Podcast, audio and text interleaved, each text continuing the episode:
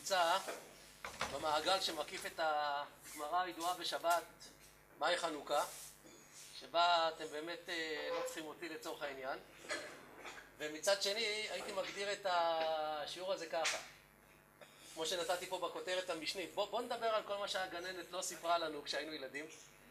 במילים אחרות, אתם יודעים, הגננת מאוד צריכה לשמור ככה על הנשמות הקטנות שהופקדו בידיה, ואי אפשר הרי לספר לילדים שיהודה המכבי נהרג בסופו של דבר. זה צריך להסתיים בשיא, זה צריך להסתיים בתיאור המקדש, כמו שאנחנו מכירים את זה מהגמרא. וכל מי שנשאר שם במקום הזה לא יודע שיש עוד ארבעה קרבות אחר כך, ובעצם גם לא כל כך יודע מה הביא לגזירות הדת שאנחנו כל כך מדברים עליהן. ומה שרציתי לעשות פה, ככה, בטווח של השעה הקרובה, זה בעיקר לשפוך אור על תהליכים מאוד מאוד מורכבים שהתרחשו ביהודה לפני מרד בית חשמונאי. אני חושב שיש למה שאני אציג כאן משמעות גדולה מאוד, ענקית אפילו, לגבי הדור שבו אנחנו חיים. ובואו נתחיל, ומה שנקרא, החי ייתן אל ליבו. מסקנות באמת שחורגות הרבה מעבר למה שאני יכול לתאר כרגע, אבל אני חושב שאתם תרגישו אותם טוב רק אחרי שבאמת אני ארד לפרטים של איך נראית השנה, או החמש שנים יותר נכון, שלפני פרוץ מרד בית חשמונאי, אם היינו יכולים לחזור בזמן אחורה לארץ יהודה של שנת, לצורך העניין, 175 לפני הספירה למניין הנוצרים. הסיפור שלנו מתחיל ככה. יהודי ארץ ישראל, אפשר להגיד, בימי קדם, חיו תמיד בתוך ידיעה, בתוך תחושה, שהם בעצם חיים במערב. בוקר אחד בשנת 332 לפני הספירה הם התעוררו וגילו שהם פשוט במזרח. למה אני מתכוון? אלכסנדר מוקדון. ואלכסנדר מוקדון פותח עידן בתולדות ארץ ישראל. וכשאני מגדיר את זה ככה, אני בעצם רוצה להגיד שיש פה הרבה יותר מאשר אלכסנדר מוקדון והכיבוש של ארץ ישראל, אלא להגיד משהו מהותי, שאם אתה לא מבין אותו, קודם כל אתה לא מבין בכלל את תעודת הזהות של ימי בית שני בארץ ישראל. למה אני מתכוון?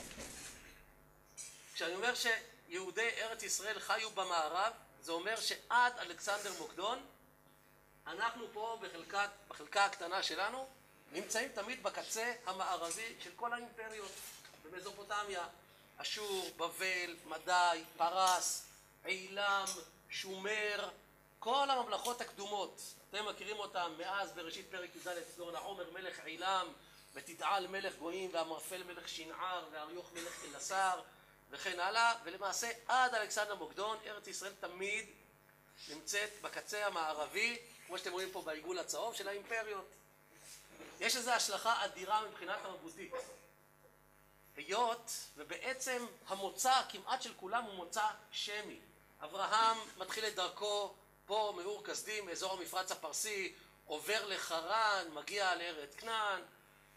לעומת זאת כשאלכסנדר מוקדון כובש את המזרח ולמעשה משתלט עליו אנחנו אפשר להגיד כמעט בן לילה הופכים להיות הקצה המזרחי של כל האימפריות של עולם המערב. מהנקודה הזאת ואילך האימפריות הגדולות ששולטות בארץ ישראל תמיד באות מן המערב מאגן הים התיכון זה יוון, זה רומא, לימים ביזנטיון, הצלבנים. תקופה המוסלמית, המוסלמים זה איזושהי חריגה אה, בתוך הסיפור אבל בגדול אפשר להגיד עד היום אם אני שם רגע את האסלאם בצד האימפריות הגדולות בארץ ישראל שולטות בארץ ישראל כשאנחנו בקצה המזרחי. עכשיו תעשו את האחד פלוס אחד ותבינו מה ההשלכה התרבותית והדתית והרעיונית של המהפך הזה.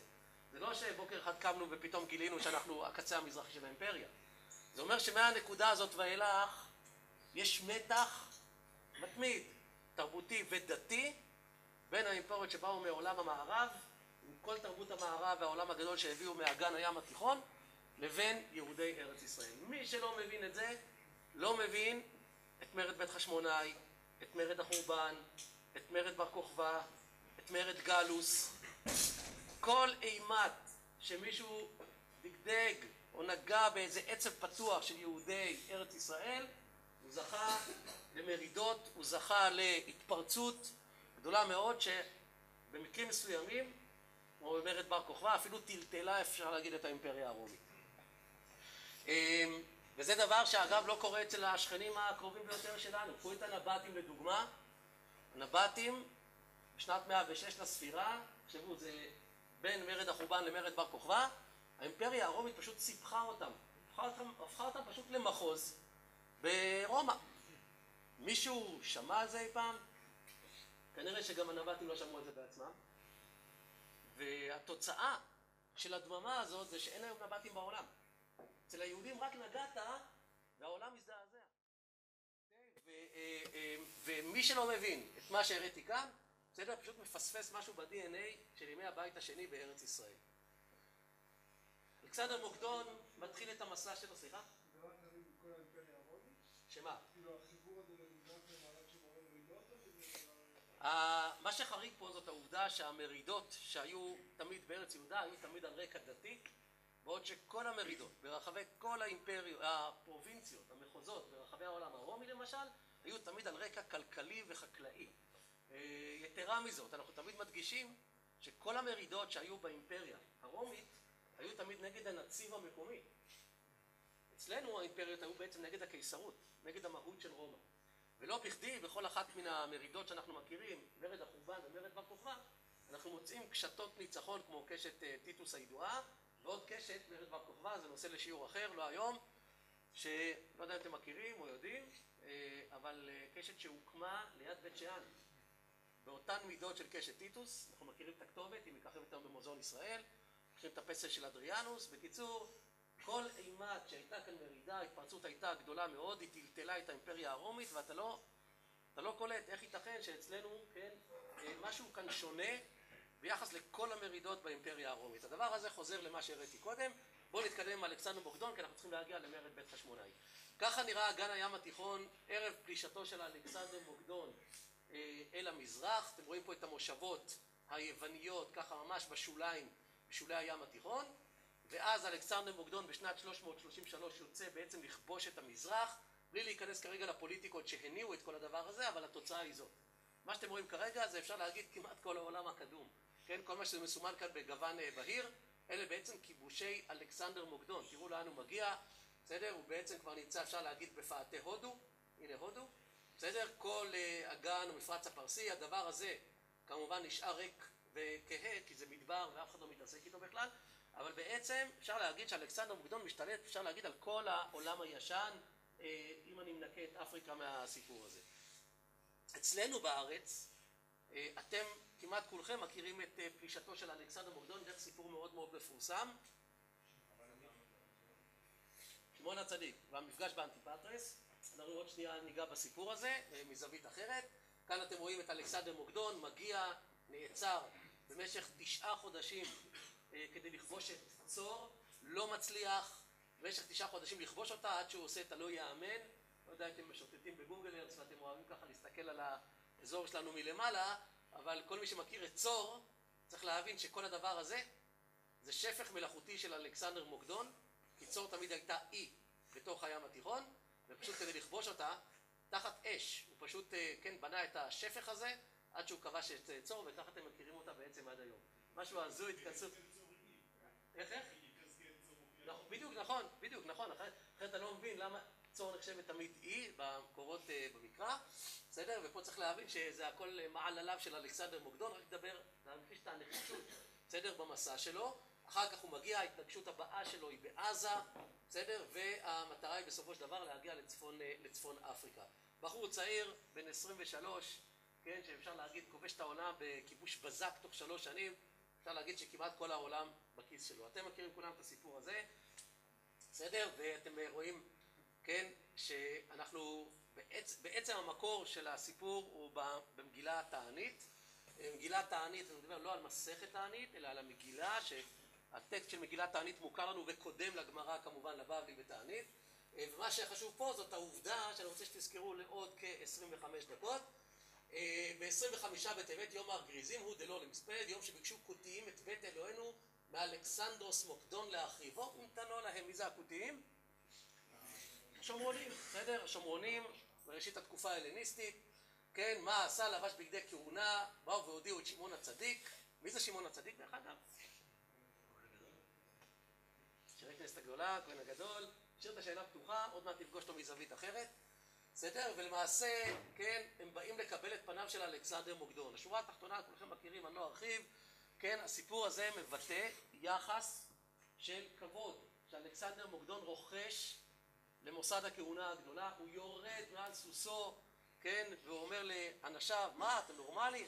דמות דיוקנו של זה מנצחת לפניי, או כן, בבית מלחמתי, כן, הנה אתם רואים, עד שבסופו של דבר, סופו של סיפור זה אה, ענישת הכותים, השומרונים.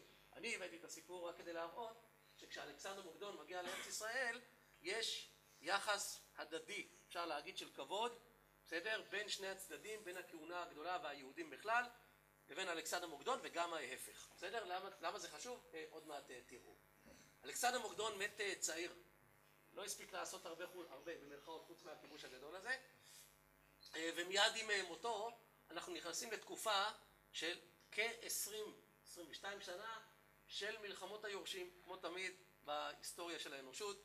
בסדר? אה, נוצר ואקום, מנהיג חזק נעלם מן הזירה, והדיאדוכים, בעברית זה היורשים, כן, למעשה מתקדשים ביניהם על איך לחלק את כל האימפריה. כל הפסיפס הצבעוני שאתם רואים כאן בעצם אה, בא לבטא את החלקים השונים שכל אחד טבע לעצמו, כל אחד מן המפקדים אה, של אלכסנדר מוקדון. ואני לא ארחיב יותר מדי, חוץ מאשר להדגיש את סלבקוס ואת תלמי, בסדר? סלבקוס ששולט בכל המזרח, לימים הוא יתפוס את השטח של אנטיגונוס, ותלמי בצבע צהוב שיושבים בעצם במצרים, וארץ ישראל בתווך בין בית סלבקוס לבין בית תלמי. פה הערה קטנה לגננת, מכיוון ש... הערה קטנה לגננת, מכיוון שפתחתי בכותרת של מה שהגננת לא סיפרה לנו. אחד מהילדים שלי תיקן פעם את הגננת, כשהיא סיפרה לקראת חנוכה ליוונים, אז הוא תיקן אותה בחנוכה, אז הוא אמר, אבל אילנה, זה לא היוונים, זה סורים סלבקים. במילים אחרות, מוקדון ביוון, זאת אומרת שלב ראשון של כיבוש המזרח על ידי אלכסנדר מוקדון, זה נכון, זה בסדר. אבל צריך לדעת שמרד בית חשמונאי שפרץ בשנת 167 לפני הספירה, 167 לפני הספירה, תחשבו שאנחנו כמעט, כן, כמה? 150 שנה אחרי אלכסנדר מוקדון. במילים אחרות, זה בערך כמו להגיד 1850 ביחס אלינו. זאת אומרת, אחרי שכל המקדונים והיוונים של אלכסנדר מוקדון הגיעו למזרח, הם נשארו פה, הם התבססו כאן. אלכסנדר מוקדון רצה לשמש דוגמה אישית להתערות במרחב של המזרח, ונשא לאישה את ארסינוי, אישה פרסייה, ואמר לכל חייליו, מהרו עשו כמוני. וכל משוחררי הצבא היווני של אותם ימים נושאים נשים מקומיות ולמעשה מתערים במרחב. 150 שנה אחרי, כשאנחנו מדברים על אנטיוכוס הרביעי אפיפנס, מה שהגננת קוראת אנטיוכוס הרשע, אז בעצם הם כבר סורים הלניסטים לכל דבר ועניין. זאת אומרת, מדובר באוכלוסייה שהיא מזרחית, עם יסודות הלניסטים, עם, כן, פולחן, נקרא לזה פוליטאיסטי, ריבוי אלים, בסדר? אלילי לחלוטין, אבל זה כבר רחוק מאוד ממה שאנחנו תמיד קראנו היוונים. כן.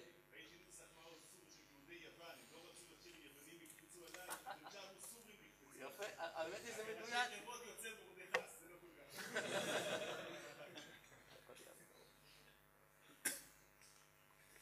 בקיצור, אז מכאן ואילך אני אשתמש בשם סלבקים או סורים סלבקים, בסדר? ומכאן מתחילה איזושהי תסבוכת שאני לא אכנס אליה יותר מדי, זאת אומרת מה שאתם רואים פה קודם כל, פשוט שתהיה לכם בתודעה על מה אנחנו מדברים במרחב הגיאוגרפי, אז הנה סוריה של ימינו, בסדר? ובמערב סוריה אתם רואים את אנטקיה, שהיא בעצם אנטיוכיה. זאת אומרת מכאן ואילך כל מלכי בית סלבקוס ישבו כאן בארמונותיהם שבאנטיוכיה, ממש קרוב אל חוף הים, לצורך העניין זה לבנון, מה שפה בירוק, ומה שכאן באפור כן? חופי, בעצם טורקיה, דרום טורקיה, כן, טורקיה וכן מערב סוריה אם תרצו, זה המרחב שעליו אנחנו מדברים. אף אחד לא צריך לשבת עכשיו ולשנן את מה שאתם רואים פה, אבל רק לתת לכם מושג כללי, הנה סלבקוס הראשון, ההוא היורש המיידי של אלכסנדר מוקדון, בטווח של מימות אלכסנדר ועד מרד בית חשמונאי, מה שקורה אצלם אצל הסלבקים זה בעצם השושלת הזאת, סלבקוס הראשון, אנטיוכוס הראשון, אנטיוכוס השני סלבקוס השני, סלבקוס השלישי, כל זה לא מעניין אתכם בכלל כרגע. אנטיוכוס השלישי כבר מתחיל להיות קצת יותר מעניין. כי אנטיוכוס השלישי, למרבה הפלא, משאיר אחריו אה, לא מעט כתובות, חלקן אה, נמצאות בידינו, חלקן במוזיאון ישראל.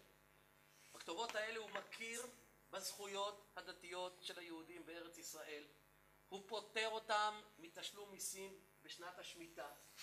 אגב, זו כתובת אה, מפורסמת שנמצאה ליד קיבוץ חפציבה, עמק יזרעאל, ומככבת במוזיאון ישראל, והוא מכיר בצורך של היהודים לשבות בשבת. אנטיוכוס השלישי, אגב, וגם אחריו, בנו, סלבקוס הרביעי, למעשה מכירים בזכויות הדתיות של היהודים, יש כאן חופש פולחן, יש כאן סוג של אה, חיי יום יום שממשיכים כמעט אפשר להגיד את אה, תקופה הפרסית, צרת כורש. אני קצת מגזים, אני אומר את זה קצת שחור לבן, אבל גם אם המרחב עצמו מתייוון, כלומר מאמץ לעצמו סממני תרבות שבאו מעולם המערב, עדיין בימי אנטיוכוס השלישי, הנה, ואנטיוכוס הרביעי, אה, וסלבקוס הרביעי הבן שלו, בסך הכל העניינים בסדר.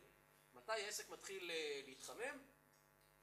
כשאח של סלבקוס הרביעי, אנטיוכוס הרביעי, המכונה אפיפנס, המכונה אצל הגננת הרשע, בסדר? אה, פה העסק מגיע לפיצוץ, וגם כשהוא מגיע לפיצוץ, קושייה במחקר עצומה עצומה, מה הביא את אנטיוכוס הרביעי אל גזירות הדת. גזירות הדת, שזה כבר מתחבר לסיפור שכולנו אה, מכירים. אה, לצורך העניין, הנה הרצף, שוב, אנחנו לא בשיעור אה, בבית ספר ולא במכללה, אבל זה נותן קצת אה, תמונה כללית של מי אתם מלכי בית סלבקוס. הראשון הוא המייסד של האימפריה הסלבקית. אה, אחריו, אנטיוכוס השלישי, אנטיוכוס הגדול, שעכשיו הזכרתי, הוא הכובש הגדול, שמגיע עד מצרים, ובעצם בתקופתו ארץ ישראל הופכת בעצם לחלק מבית סלבקוס, היות ולפני כן היא הייתה בידי בית תלמי, שהיה במצרים, אבל על זה אני לא מדבר בכלל היום. אה, אנטיוכוס, סלבקוס הרביעי, הבן של אנטיוכוס השלישי, הוא הסלבקוס שהמרחב בתקופתו מתחיל לעבור את תהליכי ההלניזם הנמרצים, הייתי אומר, אבל שימו לב, ואני מדייק בלשוני, הוא לא מייצר שום דבר בכוח בתחומי ארץ יהודה. במילים אחרות, אין כאן גזרות, אין כאן התייוונות אה, כפויה בארץ יהודה בימי סלבקוס, המרחב כולו כבר נמצא מאז 323 בתוך אה, תרבות הלניסטית שאימצה את אילי יוון, בסדר? ולכן אה, המרחב כולו מתייוון. ואפשר להגיד שבתקופתו באמת אה, יש אה, תהליך הלניזם מואץ, אבל עדיין שום דבר לא כפוי בגבולות ארץ יהודה. אנטיוכוס הרביעי, עכשיו נדבר עליו, הוא הגוזר. יורשיו, דמיטריוס ואלכסנדר בלס, אני בכוונה כתבתי את זה ככה, כבר מתחרים ביניהם על השלטון. למה אני מספר? כי בכל מקום שבו האימפריה הכובשת נלחמת בתוך הבית פנימה, יש הפוגה, ובעצם לנו יש את ההזדמנות בעצם להיחלץ מתוך המשבר. בכוונה אני אומר את זה, כי כאן, כי כאן, על בסיס או על גב המתחרים האלה, תקום המדינה החשמונאית. כלומר, המדינה החשמונאית תקום, אולי יש תרומה לכבוד של יהודה המכבי בתחום הצבאי, אבל בסופו של דבר המדינה החשמונאית תקום ותהפוך למדינה עצמאית במרחב, מעצמה יהודית שמכירים בה, בין השאר בנסיבות האלה של המלחמות הפנימיות של בית סלבקוס, שהאימפריה הזאת הולכת לאט לאט ומתפוררת. כתבתי פה על המציק, אנטיוכוס השביעי סידטס, אה, כי הוא ימשיך עוד ללוות אותנו, הוא פשוט מפריע, אבל הוא לא נורא. בסדר? הוא, הוא, הוא מציק ליוחנן אורקנוס, לבן של שמעון החשמונאי, אבל בסך הכל אפשר לבלוע אותו. זאת אומרת, הוא נמצא פה במרחב, הוא גם גורם קצת לחורבן קטן בירושלים, אבל, איך אומרים, בקטנה עברנו את פרעה, נעבור גם את אנטיוכוס השביעי. אה, אז זה כדי לקבל תמונה ככה על העולם, בסדר, של בית אה, סלפקוס. ועכשיו מה קורה בתחום אצלנו, באותה תקופה, בעולם הכהונה הגדולה. וכאן העסק, מה שנקרא, מתחיל, אומרים אצל הילדים, מתחמם, מתחמם, מתחמם, כן? מה שאתם רואים פה בצד ימין, אה, בירוק, זה בעצם את כל שושלת הכהנים הגדולים. לא את הכל, כי אתם רואים, לא היה לי איפה לדחוף את כולם. כתבתי פה שאם תלכו עד למעלה, פה לגג, אז אתם תגיעו עד לימי שלמה המלך. ויש לנו אה, את כל השמות, לפחות על פי איך שיוסף בן מתתיהו תיעד אותם. אה, יוסף בן מתתיהו בספרו קדמוניות היהודים, יש לו נספח בסוף הספר, והנספח הזה בעצם מתאר את כל הכהנים הגדולים מאז שלמה המלך. למה צריך ללכת אחורה עד שלמה המלך? כי צדוק, הכהן השני לצד מי? אביתר, נכון? אביתר גורש מן הכהונה על ידי אה, שלמה, נכון? במלכים א' פרק ב', גורש מן הכהונה, ענתות לך על שדך, אומר שלמה לאביתר הכהן, ובכך בעצם מגרש אותו, ומי שגם עוקב אחרי הפסוקים, כשדוד יוצא במרד אבשלום, יוצא מירושלים, ישר שם לב שהבכורה לצדוק הכהן. צדוק הוא זה שמוביל את ארון השם, דוד מדבר רק לצדוק ולא לאביתר, והמפרשים מסבירים שבשלב הזה בעצם אה, אביתר זז קצת עתיד, הצידה, וצדוק למעשה, בסדר, הוא הכהן הגדול, שגם, אה, מי שזוכר, גם שמר אמונים אה, לדוד במרד אדוניה בן חגית, בסדר? ומשם ואילך צדוק וכל צאצאיו מחזיקים בכהונה הגדולה. כן, הכהנים לבית צדוק. אה, אגב, למה שאמרתי עכשיו יש השלכה גדולה מאוד על נושא אחר לגמרי.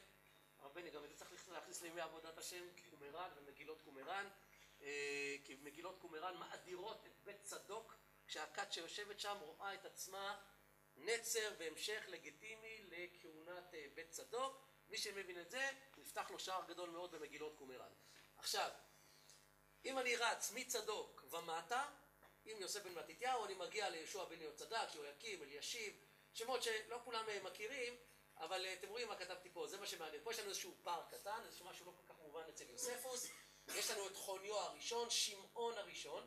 ברצף הכרונולוגי, כשמנסים לסדר את יוספוס, זה יוצא פחות או יותר מקביל לאלכסנדר אה, מוקדון, כן? אז הכוונה פה בסיפור אלכסנדר, כן? האם שמעון הראשון הוא שמעון הצדיק המתואר בימי אלכסנדר מוקדון, כרונולוגית זה מתאים, ויש לנו כהן גדול כזה שנקרא שמעון, בסדר? ומתאים שהוא יוצא בבגדי כהונה, או איך שיוספוס מתאר אותו, צד הגמרא, כן? אה, לקבל את פני אלכסנדר מוקדון ולהסביר לו כן?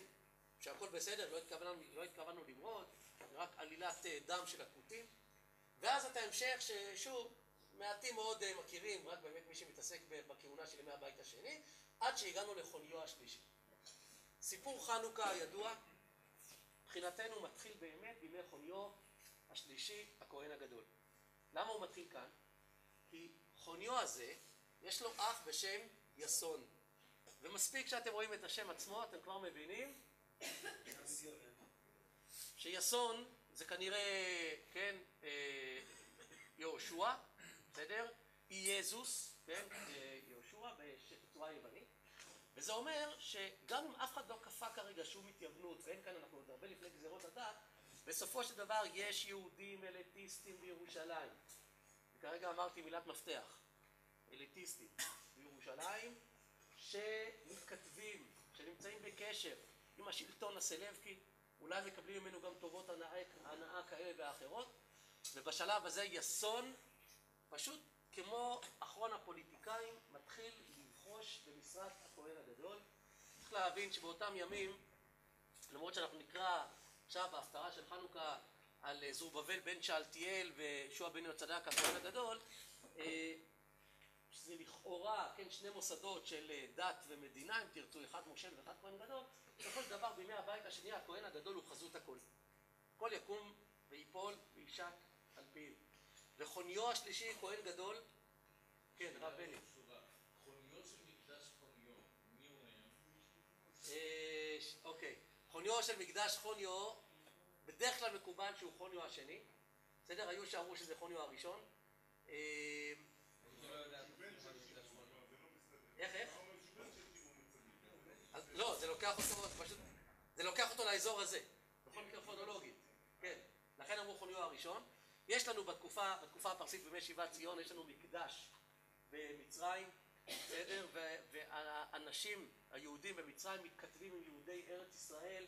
התכתובת הזאת מוכרת לנו אה, היטב, גם מהארכיון שנמצא במצרים. יש רמזים להתכתבות הזאת גם בוואדי דליה שבמזרח השומרון, מעל למושבים אה, גלגל, תומר ונתיב הגדוד.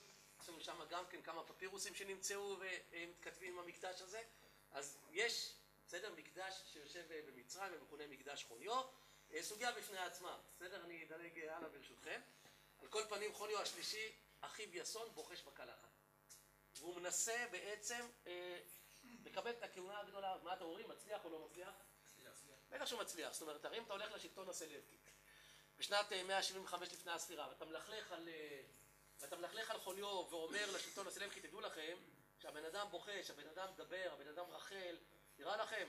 לא כל כך נראה לכם, נכון? אני פה לשירותכם, כל מה שאתם צריכים עליי, והוא באמת מצליח, בסדר? להעביר, בסדר? להשחיר את פניו של חוניו השלישי, של אחיו, ובעצם לקבל את הכהונה הגדולה. הדבר הזה מאוד מאוד מטלטל אנשים ביהודה מסיבה מאוד פשוטה.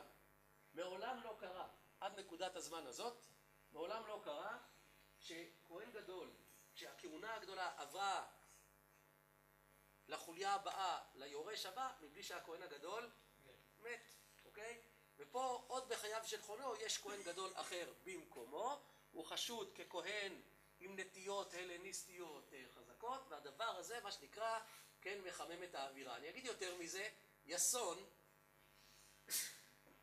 מבקש מאנטיוכוס, נקבע בימי אנטיוכוס הרביעי, כתב הסמכה, או בעצם ייפוי כוח, אל תחזיקו חזק, על מנת להקים בירושלים גימנסיון.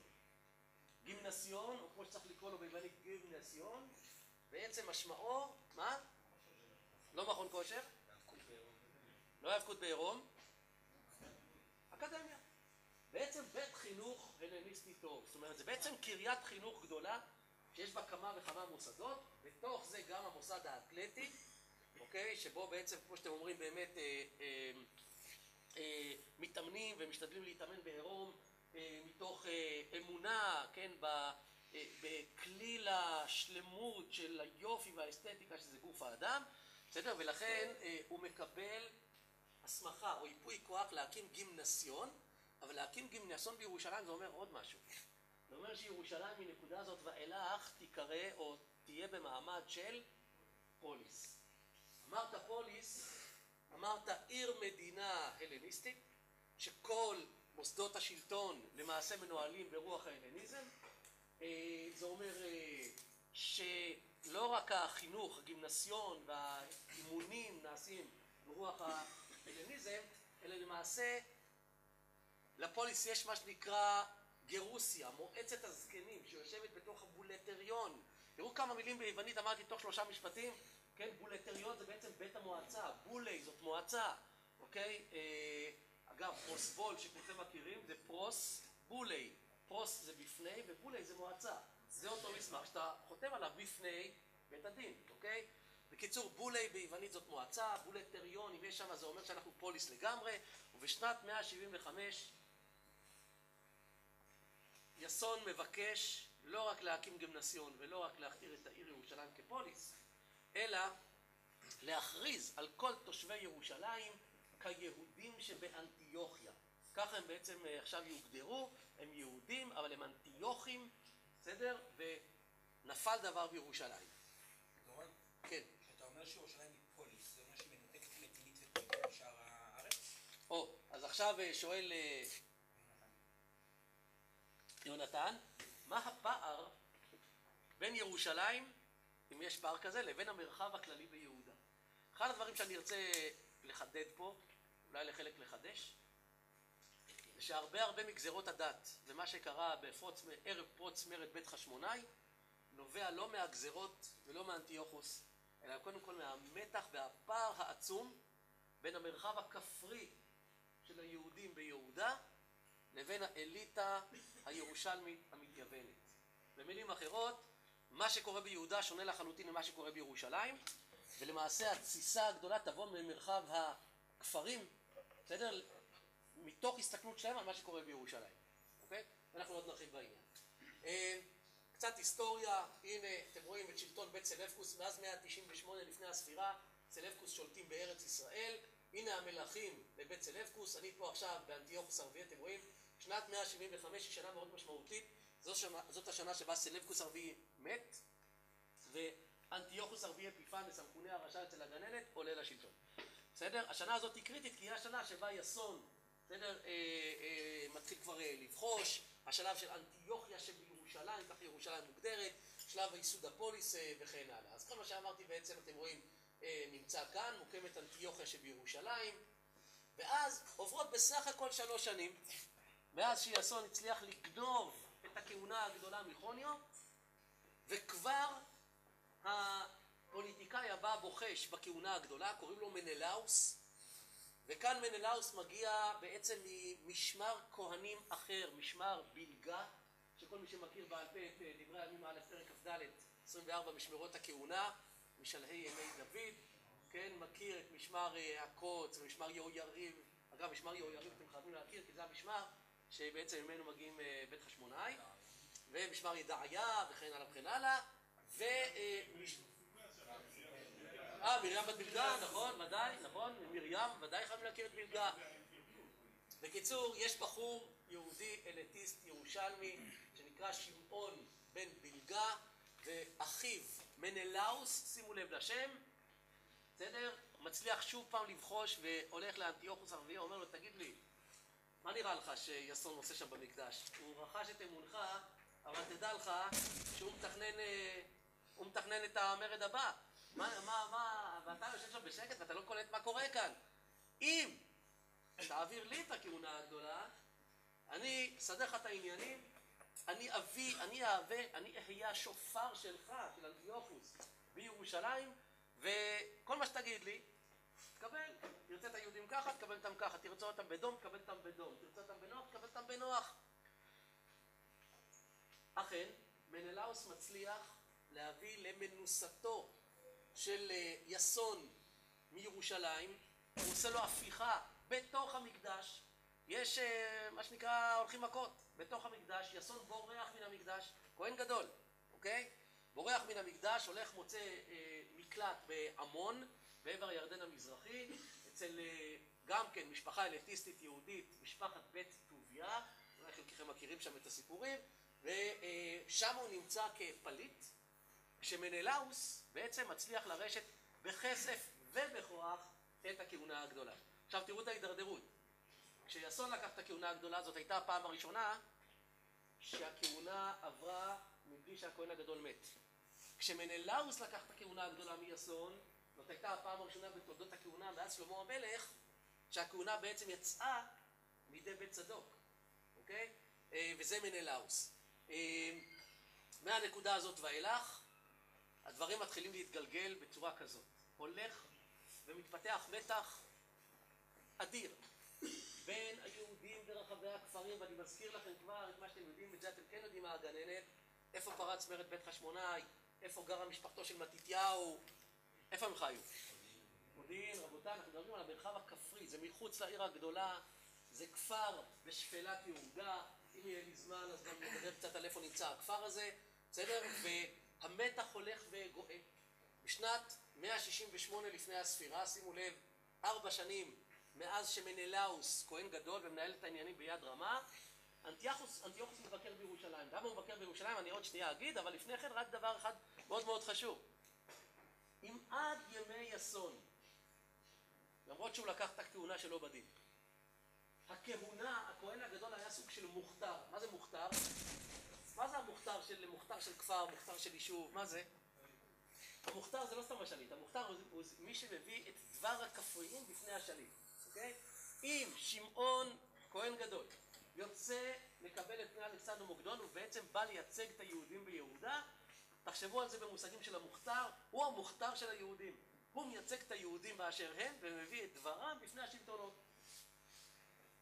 תבינו את המהפך, ימי מנלאוס, הגלגל מתהפך. בעצם עכשיו הכהן הגדול מביא את דבר השלטון הסלבקי ליהודים. וזה משהו אחר לגמרי, זה סיפור אחר לגמרי. זאת אומרת, בעצם זה אומר שליהודים אין הנהגה, אלא הכהן הגדול הוא בעצם עכשיו כביכול פקיד מטעם השלטון הסלבקי, מטעם אנטיוכוס הרביעי, והוא מנהל מטעם אנטיוכוס את העניינים בירושלים. למה זה השתנה בגלל ההבטחה של מנלאוס? כן, בגלל הפוליטיקה של מנלאוס והקנייה בכסף של הכהונה. אתה, אני, קח כסף, אני מממן לך משחקים אולימפיים בצור דרך אגב, בסדר? ו... ואתה תמנה אותי פה כדי לעשות את כל מה שאתה צריך. לא כדי לנהל את העניינים ביהודה, אלא מה שאתה צריך, אני אארגן לך פה. בסדר? ולכן מהנקודה הזאת ואילך הכהן הגדול מייצג את השלטונות אל מול היהודים. בסדר? זה פשוט מתהפך ב-180 מעלות. כאן... למה יש מלך בירושלים? אה, תכף, תכף נגיע לזה, בסדר? הנה עוד שנייה. בסדר? כאן, בשלב הזה, גזירות הדת של אנטיוכוס ופרוץ מרד בית חשמונאי, ובעצם פה נמצאת הנקודה שאותה רציתי להדגיש בכל הסיפור הזה. אה, שימו לב שאנחנו תחת אה, הכהונה הגדולה של מנלאוס לאורך כל הסיפור של אה, פרוץ המרד, של גזירות הדת, וכאן אנחנו פשוט צריכים לעשות זום אין. קודם כל הנה התיאור האותנטי של ספר מכבים, כמו שהוא בתרגום החדש והמעודכן שלו. בעצם כמעט את כל מה שאנחנו יודעים, אנחנו יודעים משני הספרים האלה שאני מחזיק כאן ביד, ספר מכבים א', ספר מכבים ב', שניהם תורגמו מחדש בשנים האחרונות. ספר מכבים א' הוא ספר שנכתב, נגיד את זה אחרת, קודם כל אף אחד מהם לא הגיע, הגיע לידינו בעברית, אלא ביוונית. אה, חלק נשמר אה, גם אה, בקופטית, כן, בכנסייה, בכנסייה שבמצרים, ובכנסיות אחרות ברחבי העולם, ותורגמו לעברית מתישהו במהלך סוף המאה ה-19 וראשית המאה ה-20. התרגומים שאני מחזיק כאן תורגמו מחדש, שוב פעם, מיוונית, בסדר? ב-15 שנה, 10-15 שנה האחרונות. ספר מכבים א' הוא ספר יהודי. הוא נכתב במקור בעברית, במקור, בעברית, כנראה על ידי מישהו מחצרו של שמעון החשמונאי, אח של יהודה המכבי.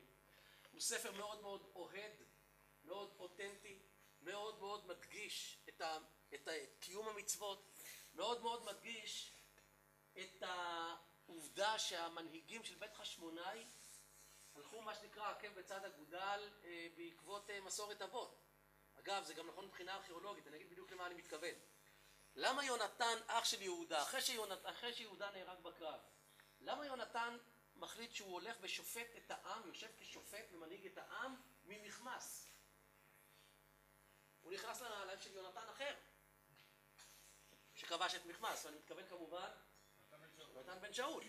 אמ, למה חשוב לספר מכבים א', למחבר להדגיש איך לפני קרב ומאוס מתקיים במצפה, אולי נבי סמואל, כל, אה, כל, אה, כל הטקס הידוע מספר דברים בפרשת שופטים, כן, אה, גם כהן משוח מלחמה, וגם האיש היה רבי רחה לבב וילך וישוב לביתו, זאת אומרת הכל מתקיים שם, והוא מביא ביקורים ומעשרות, וכל מקום שיכול להזכיר שהחבר'ה הולכים מה שנקרא עקב בצד אגודל, בסדר? בעקבות, כן, עם המצוות, הוא מדגיש. ספר מכבים ב' לא עושה את זה. ספר מכבים ב', לעומת זה, ספר מכבים ב' הוא ספר אה, שנכתב על ידי יהודי אה, הרבה יותר אה, ליברלי, פלורליסט, אולי אפילו מתייוון, שישב באיזשהו מקום בקריני שבלוב, וכתב ספר ארוך מאוד בחמישה כרכים, הוא לא שרד, ומה שהגיע לידינו זה אך ורק תקציר שמישהו עשה, ואנחנו אפילו לא יודעים מי, בסדר? והגיע בעצם עד אלינו. במילים אחרות, ספר מכבים ב' הוא יותר מיובן, זאת אומרת, הוא רוח ה... היהדות ההלניסטית, אם אפשר לקרוא לזה ככה, אה, מנשבת בו הרבה יותר חזק. למשל, את סיפור האם ושבעת הבנים, לא חנה, לא כתוב חנה, כתוב האם ושבעת הבנים, אנחנו נמצא במכבים אה, ב', בסדר? ספר שבו אה, כן, ההדגשה ההירואית של המוות על קידוש השם תופיע פה, כי זה מאוד מאוד מאוד מתאים, בסדר? למגרמה של להעצים ולספר נוראות, כן? הוא מספר על יהודי בשם רזיס שרצה לקדש את השם וזרק את עצמו מעל החומה של ירושלים אל מול כל הסלבקים שנמצאים למטה. וואלה לא הלך לו, לא הצליח, עוד נשאר בחיים, הוא רצה למות. מספר ספר מכבים איך הוא עולה פעם שנייה אל החומה וכולו משוסע ומרוטש והוא זורק את המעיים שלו על כל הסלבקים שם למטה. זה רק מי שחי את העולם ההלניסטי ואת הספרות ההלניסטית יכול לספר וזה נמצא במכבים ב'. מכבים א', כאמור, הוא מאוד מאוד מאוד ריאלי. רק במכבים א' אני אמצא את קרבות המכבים עם כל הטופוגרפיה והגיאוגרפיה של ארץ ישראל. אני יכול לשחזר את כל שמונת הקרבות טיפ טופ, איפה יהודה, ואיפה אפולוניוס, ואיפה גורגיאס, ואיפה ניקנור, ואיפה ליזיאס, וכן הלאה וכן הלאה. בסדר? ניכר במחבר של מכבים א' שהוא מכיר את האירועים באופן אישי וחווה אותם, הוא לא כותב אותם ממרחק הזמן כמו שכותב מכבי ב', אלא הוא חווה אותם, ואולי אפילו באמת משרת כחייל, ואולי גם בסוף כפקיד בחצרו של שמעון החשמונאי. לכן, כשאני קורא מתוך מכבים א', צריך uh, להתייחס בכובד ראש לעדות. כן. כן. אה, ב-90% הוא מסתמך על ספר מכבים, ואנחנו גם היום יודעים לעקוב אחרי מה בדיוק הוא עושה עם ספר מכבים, מה הוא בוחר לספר ומה הוא בוחר להעלים. חשמונאים א' יש הגבלות ברורות, יש לי גם הגבלות אה, חשמונאים ב'. מה, ליוספוס? כן. כן, יש גם, כן, הוא מכיר גם את מכבים ב', כן, כן. אה, מה קרה? בנו שיקוץ ושומם על המזבח, ובערי יהודה שסביב בנו במות, ובפתח הבתים וברחובות זבחו, ובחמישה ועשרים לחודש, מה קרה? לא חנוכה. לא, היה... בעשרים וחמישה לחודש הקריבו על הבמה אשר הייתה על המזבח.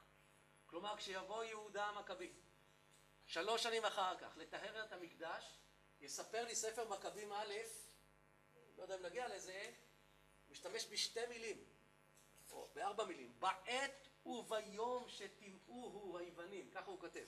כן, זאת אומרת, יהודה המכבי שלוש שנים אחרי, כשהוא נכנס לטהר את המקדש, הוא מכוון ליום שבו כמו שכתוב פה, ליום שבו הקריבו על הבמה אשר הייתה על המזבח. זאת אומרת, היום שבו טימאו את המזבח, בסדר? והקריבו אה, לראש הפנתיאון היווני, לאל שעמד בראש הפנתיאון היווני, ביום הזה יהודה גם תיאר את המקדש. זאת אומרת, ברור לנו שיש כאן איזה אקט סמלי, הוא יכל לבוא יום קודם, הוא יכל לבוא יום אחרי. אפשר תמיד להגיד, וואלה, איזה קטע, יצא לי בפוקס, אותו יום, לפני שלוש שנים, הקריבו כאן פעם ראשונה חזיר. וואלה, אני היום נכנס ומתאר את המזבח. ויכתוב המלך אל כל מלכותו. זה סביב הביקור, זה לא בביקור עצמו, זה סביב הביקור, אוקיי? רגע, רגע, שנייה, תנו לי את הרצף, יכול להיות שיהיה כאן אה, תשובות לפני שאתם שואלים. ויכתוב המלך אל כל מלכותו להיות כולם לעם אחד ולעזוב כל איש את חוקותיו, ורבים מישראל רצו בעבודתו. ויסבחו לאלילים, ויחללו את השבת, וישלח המלך ספרים ביד מלאכים בירושלים ללכת אחרי, אחרי חוקים נוכרים לארץ, ולמנוע עולה וזבח ונסך מן המקדש.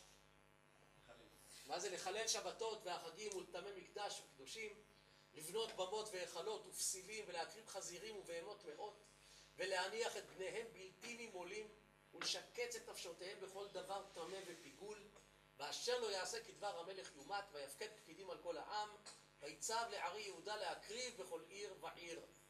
ויתחברו עליהם רבים מן העם כל עוזב את התורה, ויעשו באות בארץ. אז קודם כל צריך פשוט, אה, פשוט להכיר את הטקסט המקורי, בסדר? זה בעצם המקור, זאת הפסקה שמתארת את גזרות הדת של אנטיוכוס, ואני חוזר ושואל, בסדר? מה קרה? מה קרה פתאום? זאת אומרת, מה היה לפני כן שהביא את אנטיוכוס לגזור את גזרות הדת? הגננת פשוט התחילה את הסיפור מכאן, נכון? היו גזרות, גזרו את מה שגזרו, והמכבים מרדו. בסדר? ומעטים ניצחו רבים. ותיארו את המקדש, בסוף אנחנו סופגניות. והשאלה מה קרה פה, מה קרה שבכלל קם בוקר אחד אנטיוכוס ואמר חבר'ה, כל היהודים מהנקודה הזאת ואילך יעשו כך וכך. למה? למה אני, למה אני שואל? איזה מקום יש לשאלה הזאת? פשוט מאוד. מעולם, מאז שאלכסנדר בוגדון היה פה במרחב, לא נגזרו גזרות בתחום הדתי על שום אומה. יתרה מזאת, לפני זה גם צריך... רגע, יתרה מזאת. כל הפוליטאיזם במהותו. בדיוק, אם אנחנו מדברים על ריבוי אלים, על הפוליתאיזם, אז מאיפה בכלל בא הרעיון להגביל את היהודים ולחייב אותם, כן, אל כזה או אל אחר? במילים אחרות, הגזרות זה אירוע לא מובן על רקע המרחב התרבותי, אירוע לא מובן על רקע ההיכרות בכלל עם בית סלבקוס, על בית תלמי אני בכלל לא מדבר. זאת אומרת, בית תלמי היה חופש פולחן, היו קצת מעיקים, כי היית צריך לדווח על כל כבשה ש... ש... אה, ש... ש... כן, כל כבשה חדשה בעדר, כן, שהמליט- שהמליטה, זה, היית צריך לדווח. כל עבד שלקחת או ששחררת היית צריך לדו- לדווח. בית תלמי חנקו אותנו ככה בהיבט הכלכלי, בהיבט הפקידותי, כן, שלטון הפקידים, כן, שרומסים את העם, אבל זה לא היה דתי, לא היו גזירות דת, וזה גם לא קרה בימי בית סלבקוס. המרחב עצמו התייוון. מי שרצה, פתח את זרועותיו וקלט לחיקו כל מיני תרבויות, בסדר? הדוגמה הכי טובה באזורנו זה מרשה. מרשה מכירים? תל מרשה ליד בית גוברין. אה, ליד בית גוברין, מדרום לבית גוברין, תל מרשה, עיר שהייתה בשכבה הבסיסית שלה אדומית, בסוף ימי הבית הראשון, בימי שיבת ציון היא ממשיכה להיות אדומית. אה, בתקופה ההלניסטית היא מתייוונת תוך חצי דור. במילים אחרות, יש שם אדומים שקיבלו את ההלניזם אל חיקם, ותוך חצי דור אתה רואה יישוב הלניסטי לכל דבר ועניין. כל העיטורים, מערות הקבורה, הכל מדבר הלניזם. אנשים פשוט קיבלו, אף אחד לא כפה עליהם, הם ראו יופי של דבר, בשורה חדשה בעולם, אבל בשום מקום לא שמענו על כפייה דתית, ודאי שהדבר הזה חריג, בסדר? על רקע העובדה, כמו שהרב בני אמר, של הפוליתאיזם, כן? אמונה בהרבה אלים. סבבה, להם יש אלוקי ישראל, ולנו יש אה, את אלוקי זה, ואלוקי זה, ואלוקי זה, והכל בסדר, כאילו מה הבעיה? כמו כל האומות, משהו היה צריך לקרות בשטח כדי להביא את אנטיוכוס, לקום בוקר אחד, להחליק על השכל ולהיכנס ראש בראש עם היהודים ביהודה. מה זה הדבר הזה? קודם כל אה, צריך אה, להניח כמה הנחות יסוד. עוד לפני גזירות הדת של אנטיוכוס, החברה היהודית כבר שסועה, אוקיי? יש אליטה כהנית וגם אליטה לא כהנית.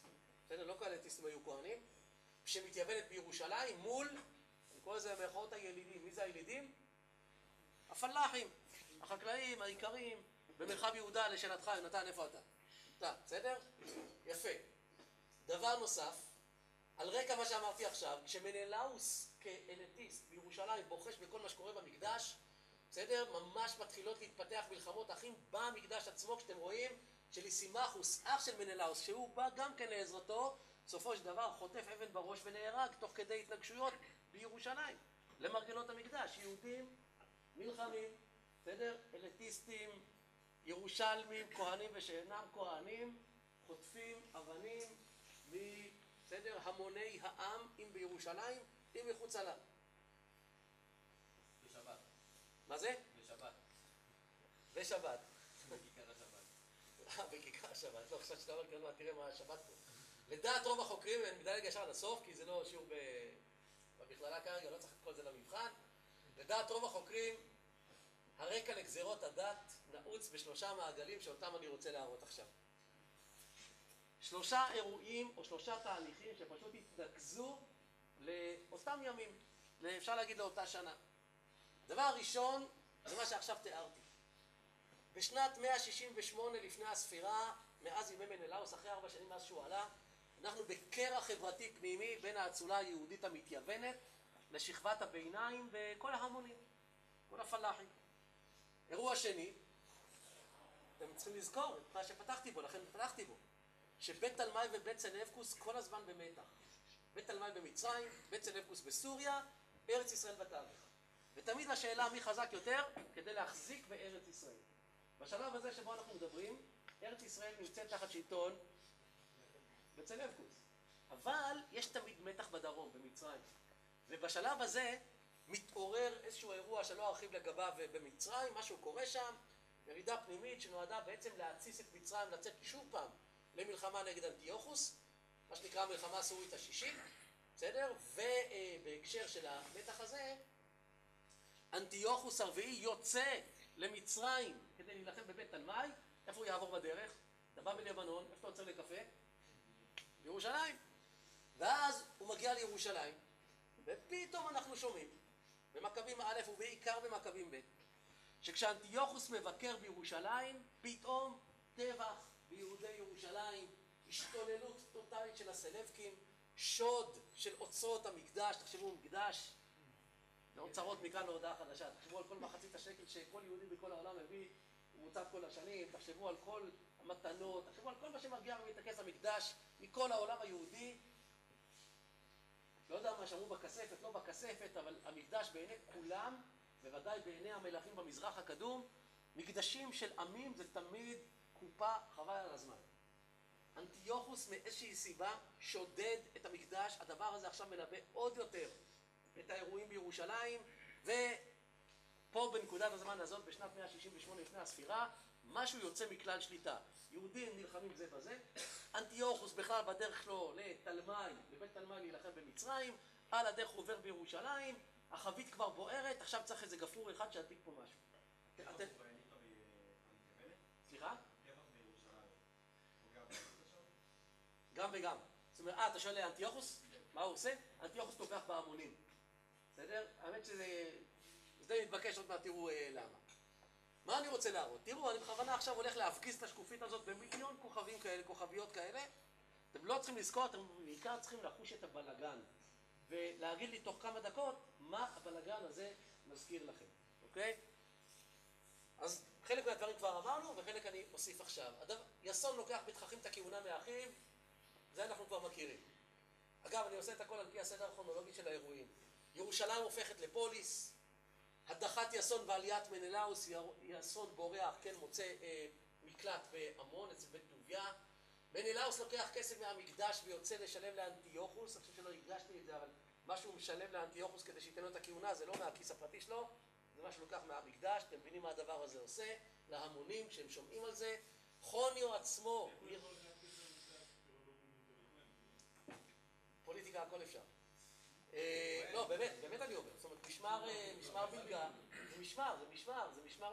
כן, משמרות הכהונה. יש נגישות למקדש, אתה צודק, צריך כוח הזרוע בשביל להיכנס ולקחת, בלשכה כזאת או אחרת. חוניו נרצח, אותו חוניו הראשון, כן, לא הראשון, השלישי, כן, שברח מיסון, נרצח באנטיוכיה, מי דאג להרעיל אותו? כמובן, שליח של מנלאוס. תושבי יהודה סולדים ממנלאוס, הוא נחשב כהן גדול, הכי מתייוון שאתם יכולים להעלות על הדעת. אם אני אספיק בהרצאה הזאת, אני אספר לכם בסופו של דבר שעוד לפני שנגמרו המלחמות של יהודה, בוטלו גזרות הדת. עוד מעט תגיעו לקטע הזה ונראה מה, אה, מה נספיק. אבל אה, מנלאוס היה הדבר הכי מיובן שאנשים יכלו להעלות על הדעת. כן, סולדים ממנלאוס המתייוון ואחיו לסימחוס עד כדי מהומות והריגתו של סימחוס במקדש. זקני היהודים, יש חבר'ה שם בירושלים שמנסים איכשהו להישאר שפויים. הגירוסיה, זה מועצת הזקנים, מנסה להתארגן כדי לצאת מהר לאנטיוכיה, להגיד שם לשלטונות, חבר'ה תעצרו פה את הכל, מה שהולך פה זה פשוט מהומות אה, דמים, מישהו, צריך, מישהו מבוגר צריך לעשות פה סדר. הולכים לאנטיוכיה להסביר את אשמתו של מנלאוס, ולהגיד, חבר'ה, זה הוא גרם פה לכל הבלגן, אם לא כל מה שהוא עשה, הכל נרגע. מה קורה בתמורה? כל המועצה הזאת נשחטת שם אחד-אחד, כן, בפקודה של אנטיוכוס הרביעי, בסדר? והדבר הזה, תחשבו, כשהשמועה הזאת מגיעה לירושלים, איך הלהבות הולכות וגדלות. בו בזמן המלחמה הסובית השישית, אנטיוכוס יוצא למסע כיבוש ראשון במצרים, ותוך כדי הוא מבקר, כשהוא חוזר מהמלחמה במצרים, הוא עוצר שוב פעם בירושלים פעם שנייה, ואז הוא לוקח מאוצרות המקדש.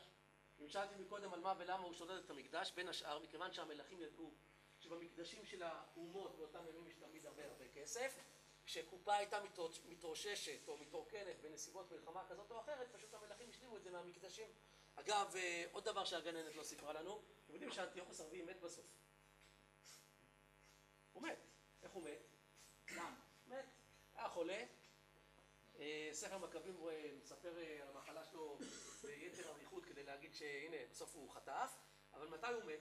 הוא מת בשנה שבה טוהר המקדש, כשהוא בכלל ישב בפרס, תוך כדי שהוא שודד את האוצרות של המקדשים בפרס, הוא היה צריך כסף. הממלכה הסלבקית בתקופה, בסוף תקופתו, התרוששה מרוב הוצאות הביטחון, ותוך כדי שהוא נמצא בפרס ושודד מקדשים, הוא מת. פתאום. נכון? לא שמתם לב שהוא נעלם לכם פתאום בין הסופגניות והחנוכיה של הגננת? אבל פשוט, ממש, בשנה של תיאור המקדש. אולי כן שמתם לב שמהקרב החמישי ואילך, אחרי תיאור המקדש, אין אנטיוכוס בכלל בסיפור. האמת שיש, אנטיוכוס החמישי. אבל הוא ילד קטנטן, והוא לא יכול לשלוט, אז, אז יש לו, כן, יש לו כמה אפוטרופסים ששולטים במקומו.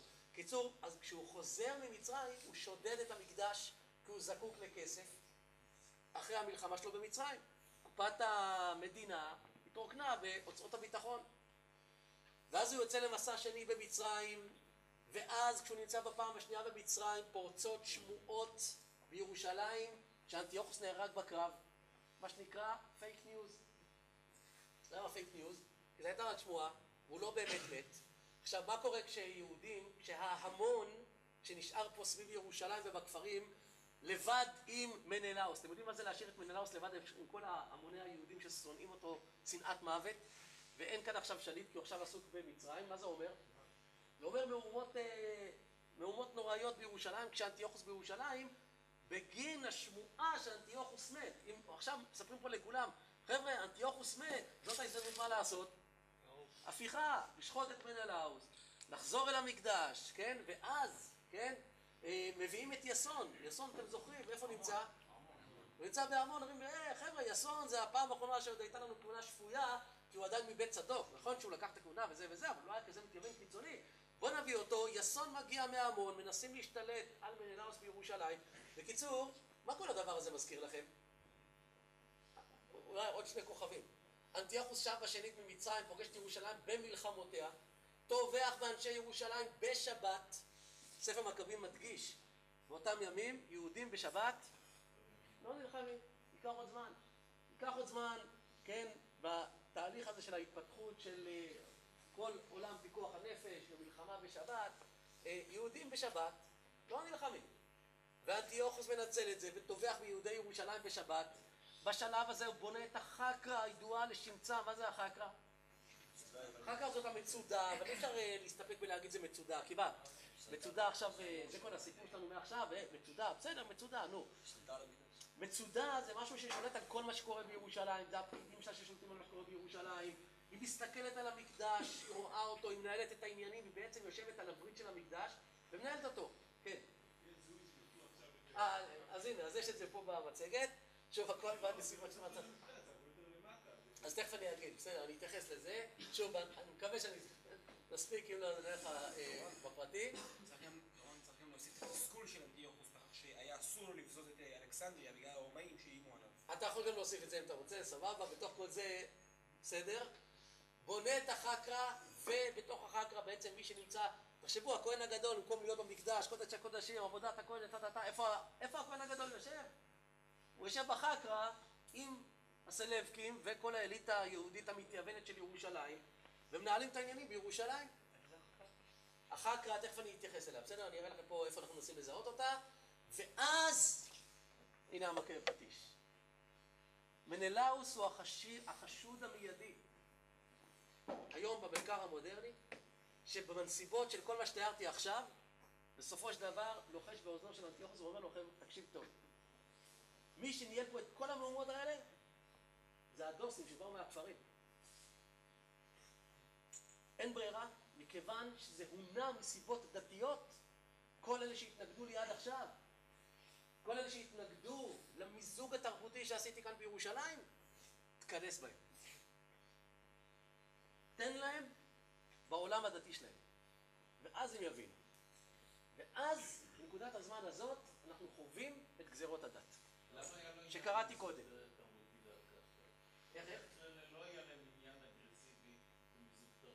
זה בדיוק מה שאני אומר. אני, שלא יישמע מדבריי, כי זה באמת כבר מפריך את הגננת לגמרי, ובאמת אה, עושה אותה ללא רלוונטית, שלא יישמע מדבריי שאני בא לטהר את השרץ שנקרא אנטיוכוס הרביעי אפיפנס, אבל לצד זאת מה שאני בא להדגיש, שבסופו של דבר, אתם יודעים, יושב נשיא, שחור או לבן, בארצות והוא לא באמת באמת, מה הוא מבין בפוליטיקה המקומית? מה שלוחשים לו היועצים שלו בסופו של דבר, זה מה שהוא עושה. וזה מה שהוא יגיד בתקשורת. אתם מכירים סיטואציה כזאת באיזשהו מקום שבה את המלחמה הפנימית התרבותית הזאת, חלק מהאנשים מעדיפים ללכת ולעשות אותה בחוץ? כדי להעביר אותה פנימה לתוך הבית?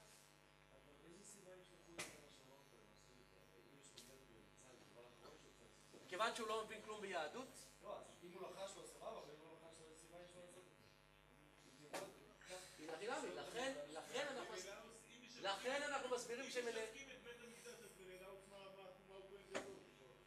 לא, לא הבנתי את השאלה. אם משתקים את בית המקדש, אז מה מנלאוס, מה הוא הגדול?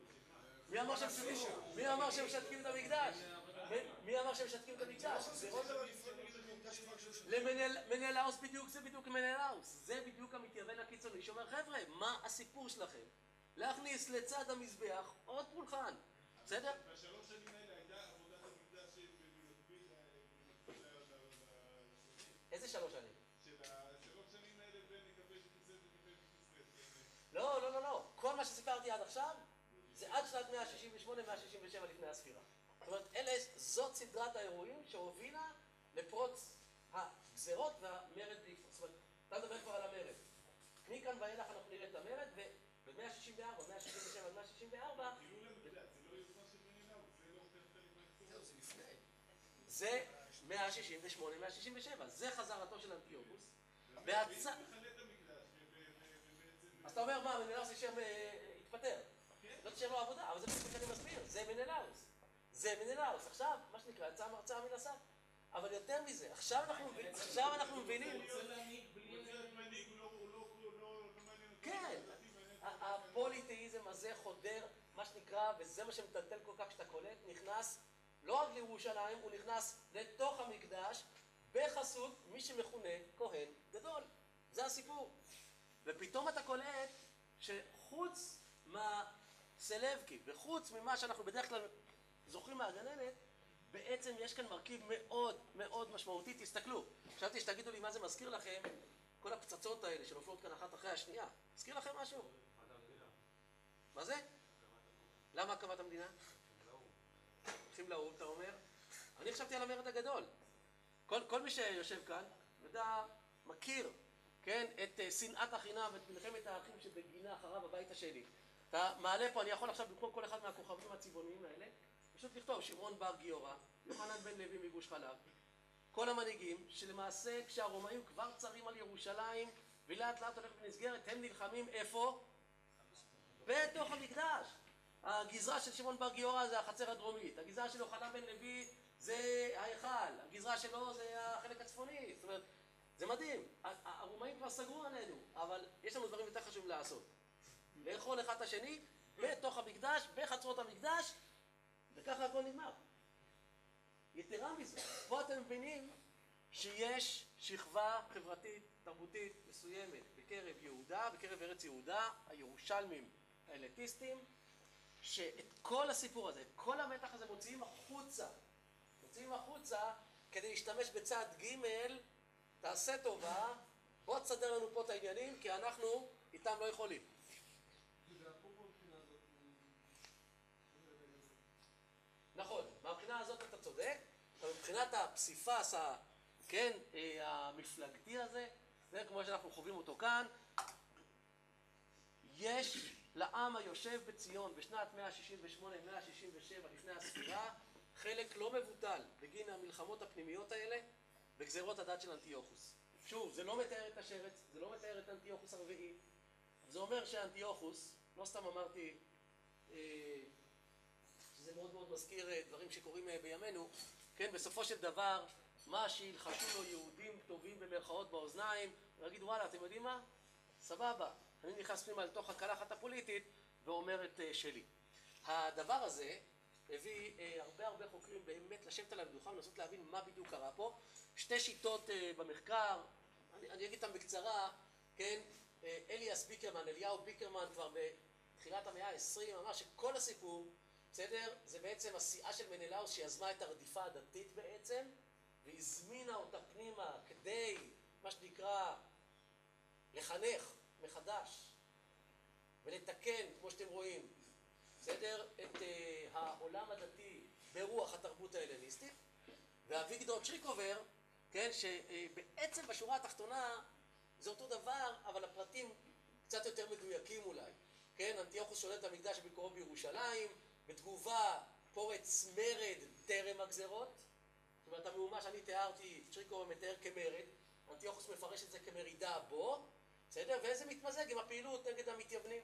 מכיוון שבראש המרידה עומדים כביכול נאמני התורה, נאמני תורה ועבודה, כן? נגזרו, הגזרות הדתיות, הם עמדו במוקד העניין, ולכן הגזרות הן גזרות דת, כן? ולכן זה אומר שרק בשלב שני, לשאלתך, כתגובה לגזרות האלה, המכבים מובילים גל מרידה נוסף כתגובה לגזרות הדת. ואם זה ככה, אז בעצם לא אה, זאת שיטה הרבה יותר אה, קיצונית, היא בעצם אומר מנלאוס הזמין לגזרות הדת. וצ'ריקובר אומר, היהודים במלחמותיהם הביאו בעצם את אנטיוכוס להתערב, הוא רואה בזה מרידה כנגדו, הוא גוזר גזרות, ואז באמת פורצת מרידה. אוקיי? משפיעה על ה... שאלה מצוינת, אה, שאלה מצוינת, האמת היא שטוב, אם ניכנס לראייה ההיסטוריוגרפית אז אה, זה, זה באמת מורכב, אבל לכן בוא נגיד ככה, הבאתי את שתי הדעות השולטות אה, בכיפה, שהרבה הרבה הרבה חוקרים אחרים בעצם מסתובבות אה, בצילן של שתי האפשרויות האלה. אה, מה זה אומר? שהגזרות זה לא פרי שיגעון של אנטיוכוס, ולא ביטוי לרצונו לאחד ולחזק את הממלכה, כי תוצא, אלא תוצאה של המצב החברתי ביהודה. מאבקי כוח, רדיפת שררה של משפחות אצולה שהסתייעו בשלטון זר להדחת ההנהגה המסורתית, שזה הכהונה, כן, ואלה שבעצם החזיקו במקדש עד אותם ימים. בסדר? המניעים כרוכים במשיכה לתרבות ההלניסטית כביטוי למעמד השליט ובהתפוררות המרקם החברתי. לא. לכן, רגע, רגע, תן לי שנייה את הרצף, בסדר? מהבחינה הזאת, אפשר להגיד שככל שההלניזם הפך להיות אה, סיסמה לתקיפים, כלומר לאליטיסטים, כן? אנחנו פה הנאורים, אנחנו פה החכמים, אנחנו פה מנהלים את העניינים, בה בעת המסורת היהודים הפכה לסיסמה בפי העם. זאת אומרת, בעצם הולך ונוצר כאן קרע, בסדר? בין ההמון, זה בדיוק השאלה שלך, השאלה שלך, יונתן, כל כך מכוננת פה את כל המהלך הזה, זה בדיוק הקרע שלתוכו אפשר להגיד, בסדר? נכנס אה, אנטיוכוס, הוא נכנס תוך קרע מהותי, בסדר? שהולך ומתרחב כל הזמן, בסדר? ככל שאנחנו מתקדמים עם ציר הזמן. מה עם ציר הזמן שלנו? אז מתי יש לי? 11, 12? רוצים עוד או ש... אתם בסדר? בסדר, הרב בני? אוקיי. אה, רגע, אז אולי זה זמן לשאלות, רגע שנייה אחת, כל אלה שהצביעו וחתכתי אותם, כן. יוצא שאנטיוכוס אולי לא עשה שום מהלך מוזר, אבל מה האינטרס של מנהרוס לעשות מהלך שהוא לכאורה ממש חופשי? אם אנחנו, יש עכשיו עם שמרד בנסיבות דתיות, אתה נותן עליו גזירות דתיות, אז זה לכאורה נשמע ממש חופשי לעשות. מנלאוס כנראה האמין בכל מאודו שמירושלים תצא תורה, מירושלים כמו שהוא רואה אותה. וכמו שהזכרתי קודם, ולא סתם התנסחתי, אנחנו נחנש, נחנך מחדש את המוני בית ישראל, כי כך צריך להיות. ובמקרה הזה הפוליטיקה גוברת על תורה ומצוות. בסדר? השיקול הוא שיקול פוליטי, זה מה שהרב אה, אה, שמואל שאל, כן? הפוליטיקה גוברת על השיקול של תורה ומצוות. זאת אומרת, גם במחיר, אפשר להגיד, אה, חילול המקדש, מבחינתו, הוא לא רואה את זה כמו שאתה רואה את זה, כמו שאני רואה, הוא רואה, את זה אחרת לגמרי. הפוליטאיזם הוא חזות הכל, ולכן אפשר להכניס כל מיני דברים למקדש. אגב, אגב, אה, זוכרים את ה... אצל יוסף בן מתתיהו את ההקרבה היומית לשלום הקיסר? מכירים? קמצא בר קמצא. מה מה יש לנו שם? יש לנו שם הקרבה יומית לשלום הקיסר, נכון? מה, מה זה? מה זה? למה נספח את זה? לאיזה תמיד, לאיזה, למה, כאילו, מה בדיוק קורה שם? במילים אחרות, מנלאוס בתקופתו כמתייוון קיצוני לא רואה את הסתירה, אוקיי? לא, לא- אין בעיה. לא, אבל, אבל אני אומר, מבחינתו של מנלאוס כמתייוון קיצוני, בוא נכניס עוד משהו, מהמ- בוא נכניס עוד משהו ליד. בדיוק, לא נכ- בוא נכניס עוד משהו ליד, הכל בסדר, מה? חבר'ה, מה אתם נלחצים מכל דבר קטן? נו מה, באמת, נכון? זה מנלאוס. בסדר. בואו נעשה, כן.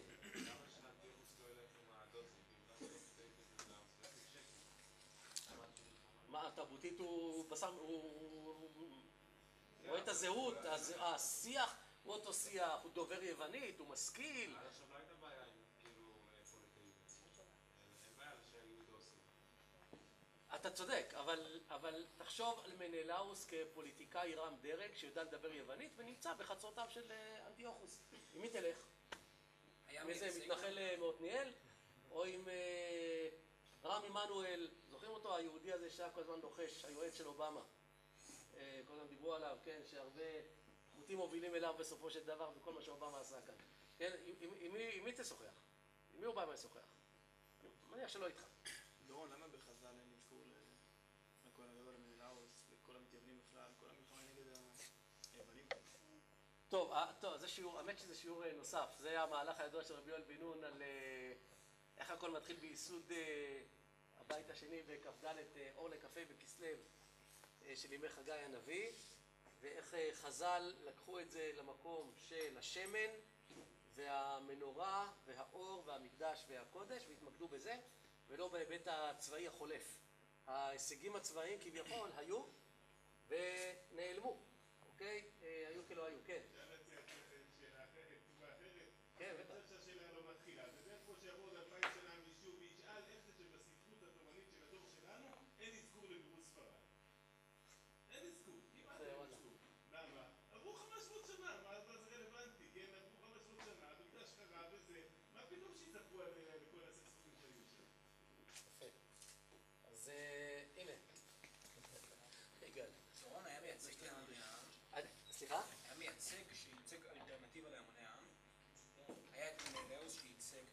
או, את האליטה זה- והיה מייצג למאה.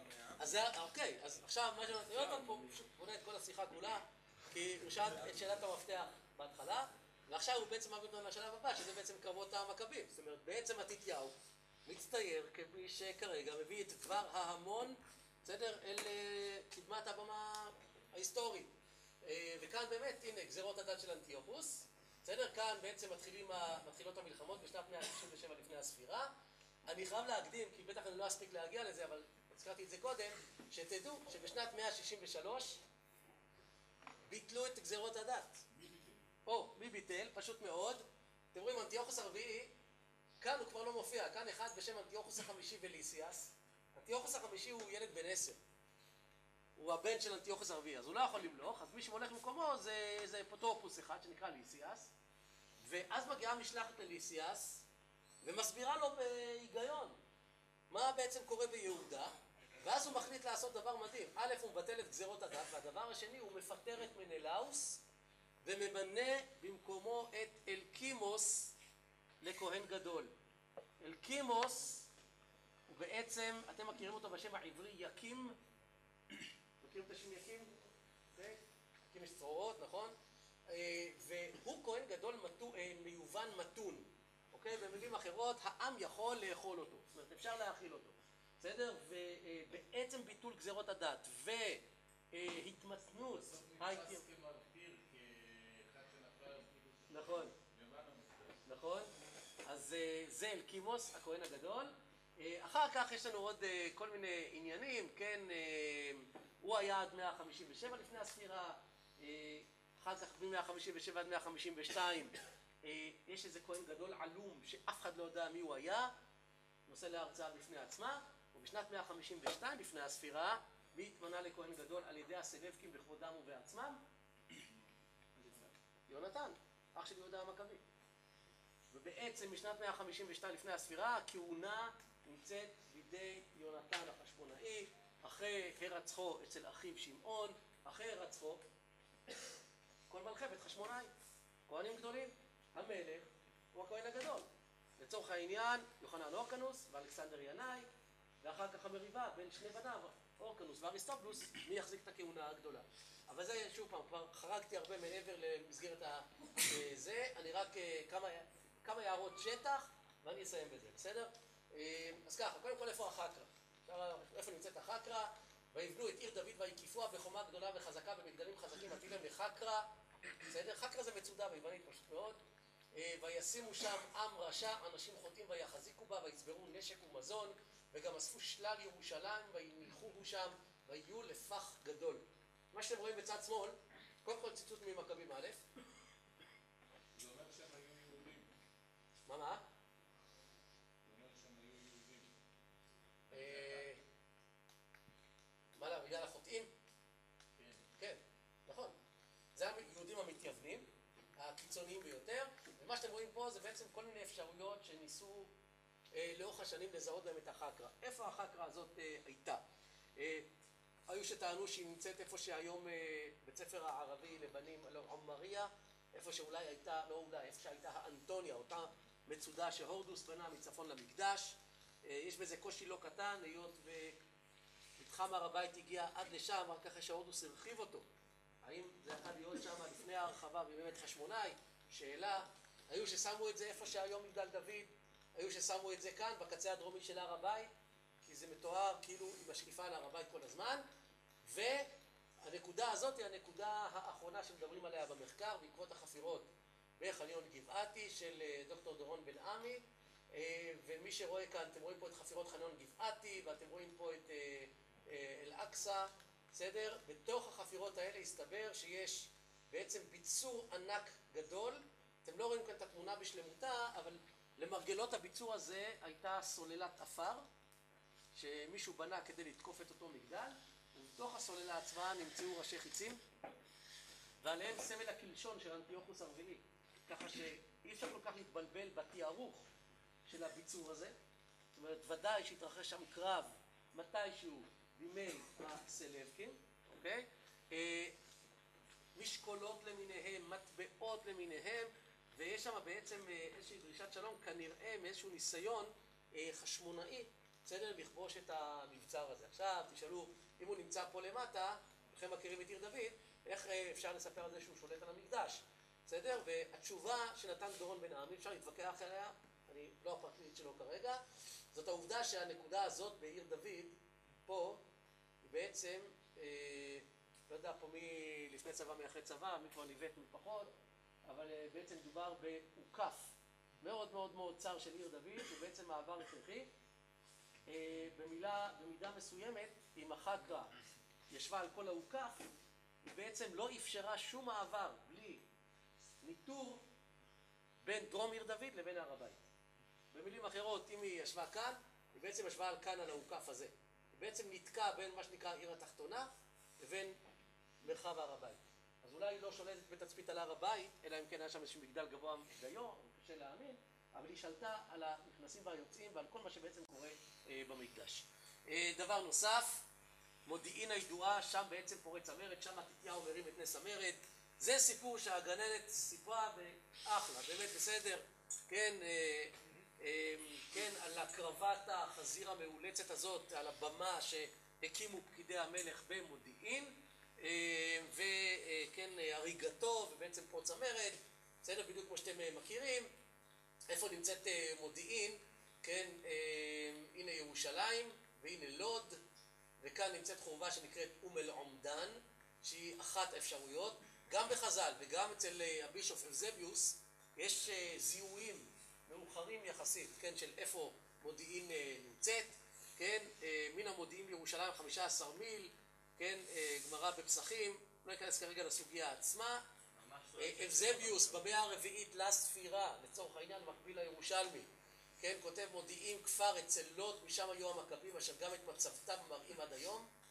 במפת מידווה, אותה מפה שנעשתה כרצפת פסיפס שמעטרת כנסייה בתקופה הביזנטית, הנה אתם רואים פה את ירושלים והמזרח הוא למעלה, וכאן כתוב ביוונית, כן, כאן כתוב בחלק הזה, כן, מודיעין, היא מודיעין שמשם באו המכבים, כאן כתוב מכביוי, כן, מכבים ברבים.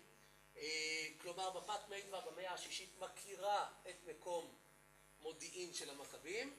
אה, ושוב, בין לוד לירושלים במפה מודרנית, העיגול האדום, בעצם עשיתי אותו גדול כדי להגיד, היא צריכה להימצא בתוך, בתוך, כן, בתוך העיגול כולו, איפה בדיוק?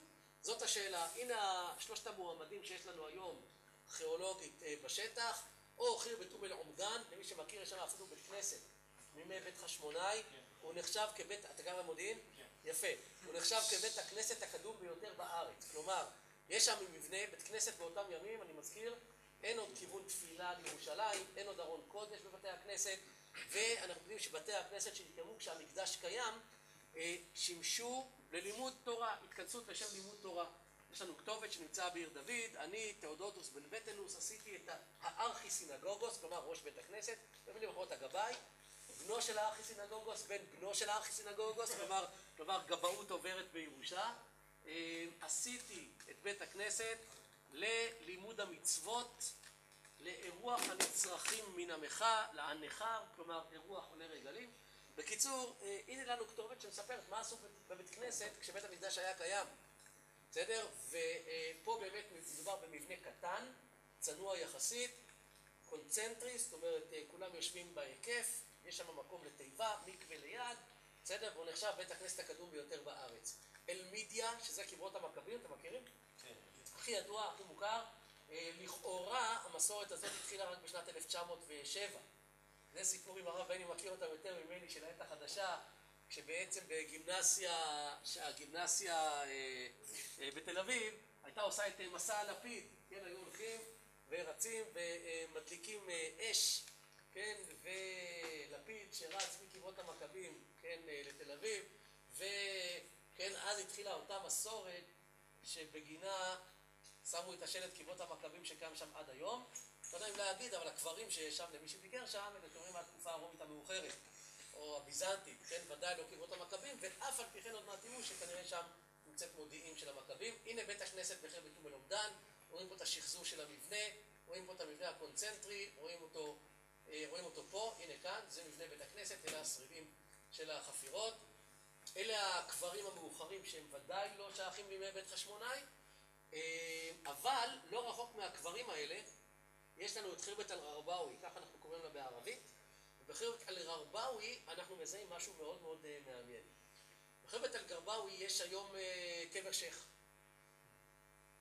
הקבר שייח הזה, מישהו טרח אה, לטפל בו ולהקים בו לפני כמה שנים את המצבה הזאת. זה רצינו, צילמתי את זה שם. כן. בסדר? ממש לאחרונה. פה טמון מתתיהו. בן יוחנן כהן גדול, זכותו יגן עלינו. אוקיי? האמת היא שמי שעשה את זה גם הנציח פה את עצמו, כן? אה, אתם רואים אה, משהו, מה זה? בן סעדה סוליקה בת אילן ובנימין בן סוליקה עליהם השלום. בסדר? מישהו כאן תרם את המצבה. אה, אני כבר הרבה זמן רוצה לשים אחד כזה באתר סוסה לזכר רבי ישמעאל מכפר עזיז. כן, התנא הגדול שחי פה בדרום הר חברון. נראה לי שזה יביא הרבה מבקרים לסוסיא. אה, על כל פנים, מה, למה אני מראה לכם את הקבר שייח הזה? הקבר שייח, אתם יודעים, כל מקום שיש מקום שהתקדש אצל המוסלמים, תדליקו שם נורה אדומה, אולי תמצאו שם משהו. לפני שנתיים התחילה שם החפירה הגדולה של עמית ראם, מנהל מחוז ירושלים ברשות העתיקות.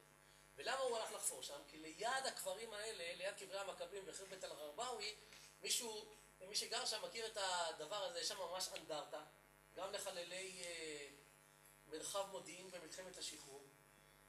והאנדרטה הזאת הוקמה בגלל ספר מכבים א', פרק י"ג. וישלח שמעון ויקח את עצמות יונתן אחיו. הרי אף אחד מהחמשת האחים המכבים לא הוציא את שנתו. כולם אה, מתו מוות לא טבעי, האחרון שנשאר היה שמעון. כן, יהודה נהרג בקרב השמיני, לא דיברתי על זה בכלל, וגם לא נדבר על זה היום. אה, יהודה בקרב השמיני נהרג, קרב, אה, קרב אל-עשה, אחריו יונתן נרצח על ידי טריפון בעכו, בין לבין, כולכם יודעים שאלעזר נמחץ תחת הפיל, ויוחנן נרצח על ידי בדואים במדבר יהודה כשהם היו בדרך לעבר עדן המזרחי.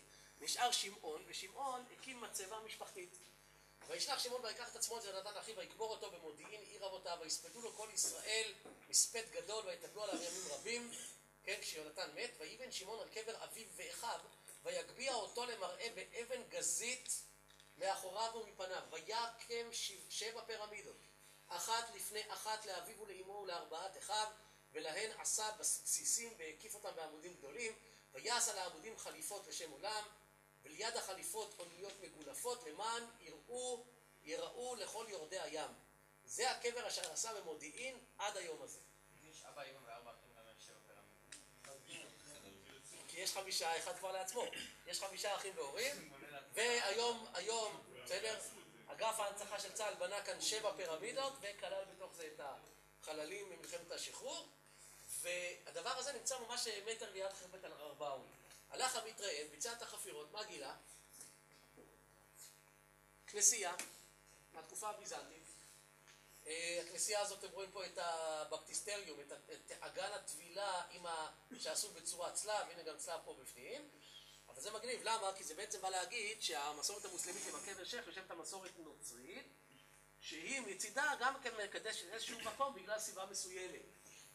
מכיוון שכבר סיפרתי לכם שספר מכבים הגיע לידינו בעצם דרך הכנסייה, משמע סיפורי המכבים, סיפורים של סיפורי המכבים, ספרי מכבים, הם בכתבי הקודש של הנוצרים, לכל דבר ועניין, בסדר? ואצלנו, בין השאר משום כך, בספרים החיצוניים. ולמה זה חשוב? כי אם המסורת הנוצרית, הנוצרית הכירה כל כך את ספרי המכבים ואת תולדות המכבים, ובאיזשהו שלב שנמצא ודאי יותר קרוב בזמן אליהם מאשר אנחנו היום, כלומר מתישהו במאה הרביעית לספירה, אז תנו את הדעת, שמא דווקא המסורת הנוצרית הזאת מסגירה אתר כלשהו, זה כמו שאם אני מחפש את המקום שבני ישראל חצו את הירדן, אני הולך, וזה אני אומר גם מחקרית, לאתר הטבילה, מה שנקרא היום אצל הנוצרים. אתר הטבילה הנוצרי הוא כנראה מקום חציית בני ישראל את הירדן. אוקיי? בדרך כלל המסורות הנוצריות יושבות, מה? טיפה צפונה למנזר גרסימוס, נכון? ואם תרצו, תראו מה עשו לבית לחם. מה עשו הנוצרים לבית לחם? נכסו את בית לחם. מה אתם יודעים על בית לחם היהודית בימי בית שני? אתם לא יודעים כלום. למה אתם לא יודעים? כי הנצרות מחקה שם כל סיפור יהודי בתודעה, בהיסטוריוגרפיה, ובעצם נכסה לעצמה את בית לחם כדי לספר שאותו האיש נולד שם, ואבות הכנסייה יושבים שם. למה? כי דוד נולד שם. כי מלכות בית דוד, כי המשיח, אורו של משיח, בית לחם, נכון? אז אתם מבינים שאיפה שהנצרות יכלה להתיישב על נקודות שהתקדשו במסורות היהודית, התקדשו, לא, זה לא כל כך נכונה, אבל שאותרו במסורת היהודית לדורותיה, בעצם אותרו מחדש על ידי הנצרות, ולכן היום אה, מקובל לנו שדווקא בחורבת הגרדי, שייך לרבאוי, צריך באמת לחפש את אה, מודיעין של אה, בית חשמונאי. טוב, אני חושב שאני אעצור כאן, היתר... אה, ו- ובאמת אפשר לראות משם את הים, זה בהחלט נכון. אלה שמונת הקרבות של יהודה המכבי, אני אדלג עליהם. אני פשוט אלך לציטוט האחרון שמופיע ממש ככה לקראת סוף אה, ספר אה, מכבים. סליחה, לא זה. נדלג על הכל, כל הקרבות. בסדר? זה להרצאה אחרת. וכן, אלה שמונת הקרבות, שני הפסדים באדום. בסדר, כל היתר ניצחונות, ומה שבאפור זה מה שאנחנו לא כל כך יודעים. כי בספר מכבי לא היה כל כך נעים לספר מי הפסיד, כנראה שיש שם גם כן הפסד. סליחה? אלעזר נהרג בקרב בית זכריה, כן. אה, ואני אסיים פשוט בציטוט אה, של אה, שמעון המכבי, כן, אחרון שליטי בית חשמונאי, שנייה לפני הקמתה של המדינה היהודית. בעצם אפשר להגיד שמהמרד הזה בסופו של דבר נולדה פוליטיקה יהודית, ומהפוליטיקה היהודית של יונתן ושמעון נולדה המדינה. אולי, אולי בזה אני אסיים. זאת אומרת ככה, יהודה המכבי עשה קרבות. שמונה קרבות בעצם שם אותנו על המפה כמעצמה צבאית. אחרי שהוא נהרג, יונתן ושמעון היו, יונתן היה איש צבא וגם פוליטיקאי לא קטן. הוא ידע שהסלבקים מתפוררים והם מזהים בנו גורם מדיני עולה וצומח, והוא ניצל את זה כדי לסחוט מן הכהנים ולקבל מהם מחדש את הכהונה הגדולה וכל מיני זכויות. הגזרות כבר בטלו עוד uh, לפני כן. שמעון, אח של יונתן, יונתן נרצח על ידי טריפון בעכו, שמעון, אח של יונתן, הוא כבר דיפלומט. הוא כבר לא צריך לעשות מלחמות, כי האימפריה הסלבקית כבר מתפוררת לגמרי, כבר היא לא מסוגלת להילחם בשמעון, ושמעון כבר יודע שיש לו עכשיו כוח פוליטי, והוא בעצם הולך וקונה זכויות, הוא כובש שטחים מידי הפגאנים, מידי אה, הנוכריים, לא הסלבקים, נוכרים שחיים ביפו ובגזר, ובעצם מגיע לראשונה אל חוף הים, ויוצר לראשונה מאז שיבת ציון נגיעה של המדינה היהודית הזאת בים, זה מוצא אל העולם הגדול, שאגב זה כמובן דו סטרי, ברגע שנגעו בעולם הגדול, תור ב' של החשמונאים זה כבר הורקנוס, אלכסנדרוס, אלכסנדרה, ישלום ציון וכן הלאה, כלומר, כשאין אינטרנט רימון אז אתה לא רק יוצא החוצה לעולם הגדול, אתה גם מכניס את העולם הגדול פנימה, וברגע ששמעון החשמונאי כובש את יפו ונוגע בים, זאת הנקודה, שלדור ב' של מלכי בית חשמונאי, או של מנהיגי בית חשמונאי, העולם הגדול כבר נכנס פנימה לתוך בית המלוכה, נושא לשיעור אחר. כששמעון כובש את גזר, באים אליו הסלבקים ואומרים, סליחה, גזר היא נוכרית, היא בעצם שלנו, כאן אומר שמעון, ובזה נסיים את המשפט המפורסם שראשי ממשלה אה, לדורותיהם במדינת ישראל מצטטים אותו כל הזמן, וישלח אליו לשמעון את אתנוגיוס, אחד מרעיו ידבר עמו לאמור, אתם מחזיקים ביפו ובגזר ובחקרא אשר בירושלים ערי ממלכתי, כי שמעון הוא בעצם גם הראשון שגילח את החקרא, כן אפשר להגיד עד היסוד כמעט, ועתה השיבו את הערים אשר תפסתם ואת מיסי המקומות אשר עליהם השתלטתם מחוץ לגבולות יהודה. אתם רואים את העוצמה המדינית והצבאית של שמעון, ואומר, ואומר שמעון ויען שמעון ויאמר לו לא ארץ נוכריה לקחנו ולא רכוש זרים כבשנו אם את נחלת אבותינו אשר על ידי שונאינו בלא משפט באיזה זמן נכבשה ואנחנו משהזדמן לנו השבנו את נחלת אבותינו. אפשר להגיד שהקריאה הזאת של יונתן, המכתב הזה שהוא כותב לשלטון הסלבקי בדבר זכותנו על הארץ, בדבר הדבר הטבעי ביותר שאנחנו בעצם עושים כאן, אפשר להגיד שהוא סוגר את המהלך של הקמתה של המדינה היהודית. ועדיף לעצור מה שנקרא פה בשיא כי מהנקודה הזאת ואילך המדינה היהודית הזאת כבר תתחיל לפרוש בתוך עצמה והגלגל מתחיל לחזור בסדר למקום אחר